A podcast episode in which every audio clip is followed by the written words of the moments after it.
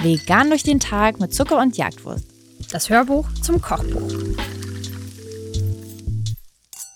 Ich habe das Gefühl, wir sind beim letzten Rezept angekommen und jetzt geben wir uns nochmal richtig die, jetzt geben wir uns richtig alles. Karamell, Schokolade, Keks, jetzt ist kein Halt mehr. Also danach, wenn ihr diese Riegel gegessen habt, ist auch kein Platz mehr. Ja. Für irgendwas anderes. Dieser Riegel ist übertrieben, aber auch übertrieben lecker. Glück gehabt. Äh, Fällt blöd, wenn er übertrieben mächtig und eklig ist. schmeckt. Hm. Es ist wirklich verboten lecker, wirklich. Ähm, aber ja, diese Riegel, ich habe ich hab die ab und zu getestet. Kommen wir gleich drauf. Ich hatte nämlich kleine Anpassungen bei der Schokoladenschicht, die ich immer mal wieder ausgetestet habe. Deswegen kam mein Freundeskreis in die Versuchung, jedes Mal wieder was davon zu essen. Und als ich dann so mit der dritten Ladung ankam, kam dann schon so, oh nee. Zahnärzte dieser Welt hassen dieses Rezept. ähm, es tut mir wirklich leid. Also dieses Oh nee kam auch nicht daher, jetzt muss ich das wieder essen, sondern es ist sehr schwer, Nein zu sagen bei diesem Riegel. Woran liegt das? Du hast schon gesagt, es ist einfach alles drin. Also man kennt das vielleicht. Es gibt ein Rezept, auf dem das basiert. Das heißt Millionaire's Shortbread und leitet sich wahrscheinlich davon ab, dass die Riegel, wie man es im Englischen sagt, rich sind, also reichhaltig. Das heißt, Millionaire Rich ist ziemlich reich. Entsprechend sind auch diese Riegel ziemlich reichhaltig. Es gibt drei Schichten dabei. Es gibt einen Mürbeteig, easy peasy gemacht. Mehl, Zucker, Salz, kalte vegane Butter. Bereitet das alles schnell zu. Ihr lest das ja hier in den Schritten. Benutzt definitiv kalte Butter. Seid zügig damit. Der Teig muss dann auch nochmal kühlen.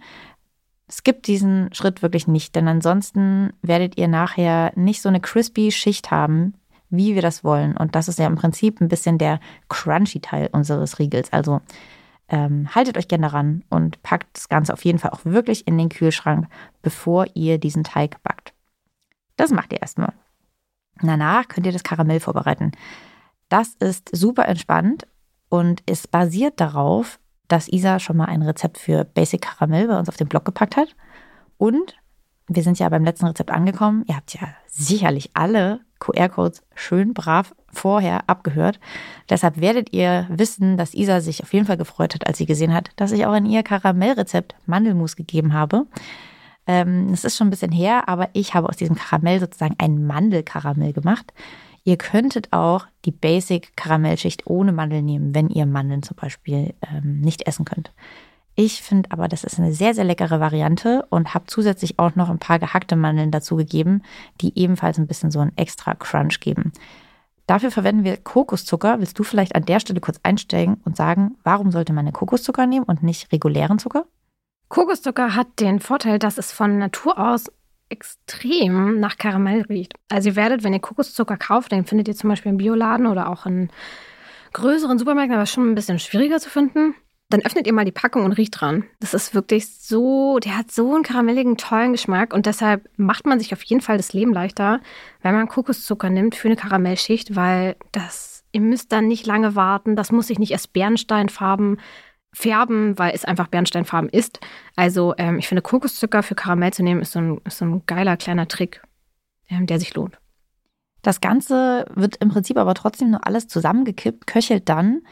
Die Schwierigkeit, finde ich, bei so einem Karamell ist schon ein bisschen die, den Punkt zu finden, an dem es die richtige Konsistenz hat. Mhm. Das liegt vor allem auch daran, dass es dann nochmal, wenn es abkühlt, nochmal nachdickt. Also ich würde schon tendenziell dann sagen, auf der sichereren Seite ist man, wenn man es etwas zu lange köchelt. Lieber wird es ja ein bisschen fester, als dass es zu runny wird und dann mhm. in dem Fall auch das ganze Gerüst zusammenfällt. Wenn ihr jetzt Karamell nur als Soße, in Anführungszeichen nur nehmt, dann ist es natürlich auch ein bisschen entspannter, weil ob ihr das jetzt am Ende ein bisschen flüssiger oder fester auf euer veganen Eisbecher oder so kippt, das ist äh, nicht ganz so schlimm. Aber jetzt bei den Riegeln wäre es schon besser, wenn die eher ein bisschen fester wäre. Das ist Schicht Nummer zwei. Schicht Nummer drei, ganz oben, ist eine Schokoladenschicht. Wenn ihr uns schon auf dem, also länger verfolgt und unseren Blog kennt, diese Riegel vielleicht sogar schon mal gemacht habt, dann werdet ihr wissen vielleicht noch, dass es mal eine Zeit gab, in der ich als Schokoladenschicht nur vegane Zartbitterschokolade genommen habe die verfestigt sich natürlich beim Kühlen. Das heißt, die wird ja auch erst geschmolzen, dann wird die da drauf gekippt und danach wird die im Kühlschrank natürlich hart. Das ist sehr, sehr lecker, gibt einen tollen Crunch, könnt ihr auch noch machen, wenn ihr das möchtet, aber fürs Schneiden ist es einigermaßen schwierig, dadurch so eine feste Schokoladenschicht zu kommen und dann nicht das ganze Karamell an den Seiten herauszudrücken. Es ist alles auch halb so wild, könnt ihr machen, wird messy, aber es ist trotzdem sehr, sehr lecker. Ich habe mich aber jetzt hier tatsächlich eben mit mehreren Tests dafür entschieden, dass ich doch eher in eine Richtung von einer Ganache gehe. Das heißt, wir eine zwar feste, keine flüssige natürlich Schicht haben, aber sie ist trotzdem ein bisschen weicher. Und ich, wie gesagt, fand das eigentlich ganz gut, weil die Crunchy-Schicht habt ihr trotzdem durch den Mürbeteig, ihr habt es auch trotzdem durch die Mandeln, die da drin sind. Und ich fand es fürs Schneiden ehrlich gesagt einfach ein bisschen besser. Deswegen habe ich mich dafür entschieden, vegane Sahne dort mit reinzurühren. Wenn ihr trotzdem lieber eine feste Schicht haben wollt, dann nehmt einfach nur vegane Zartbitterschokolade. Die Meersalzflocken ganz am Ende würde ich euch aber unbedingt auch empfehlen, weil sie dem Ganzen halt, man kennt das ja mittlerweile, so Sea Salt, Caramel, ähm, Schokolade gibt es ja oft auch in anderen Riegeln, in anderen Formen. Es ist auf jeden Fall wirklich eine geile Note. Fürs Foto haben wir jetzt hier etwas großzügiger Meersalzflocken drauf gemacht. Ganz so viel würde ich euch vielleicht nicht empfehlen. Auf die ganze Menge. Und ich würde euch auch nicht empfehlen, einfach nur grobes Meersalz darüber zu streuen. Das wird auch ein bisschen dolle. Also entweder macht ihr wirklich eine kleine Brise Salz drüber oder ihr kauft euch Meersalzflocken. Die sind nicht zu salzig an sich, die sind auch sehr leicht. Und ich finde, die sind das perfekte Add-on für diese Riegel. Und das grande Finale unseres Kochbuchs. Absolut richtig. Ihr habt es geschafft. Ihr seid ganz hinten angekommen. Ähm, auf den letzten Seiten vom Kochbuch findet ihr noch so ein paar Notizseiten. Ähm, ich finde noch ein paar coole Register. Aber es kommt kein Rezept mehr. Das war's. Und damit war auch das unser Hörbuch. Ja, schön war das. Wir haben es geschafft. 101 Rezepte eingesprochen.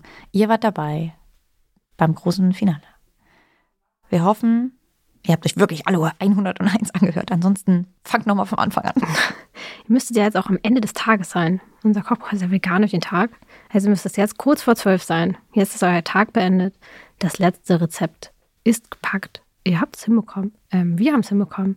Äh, wir sind fertig und sagen damit Ciao. Adios. Bis morgen früh. Da geht alles wieder von vorne. Oh Gott.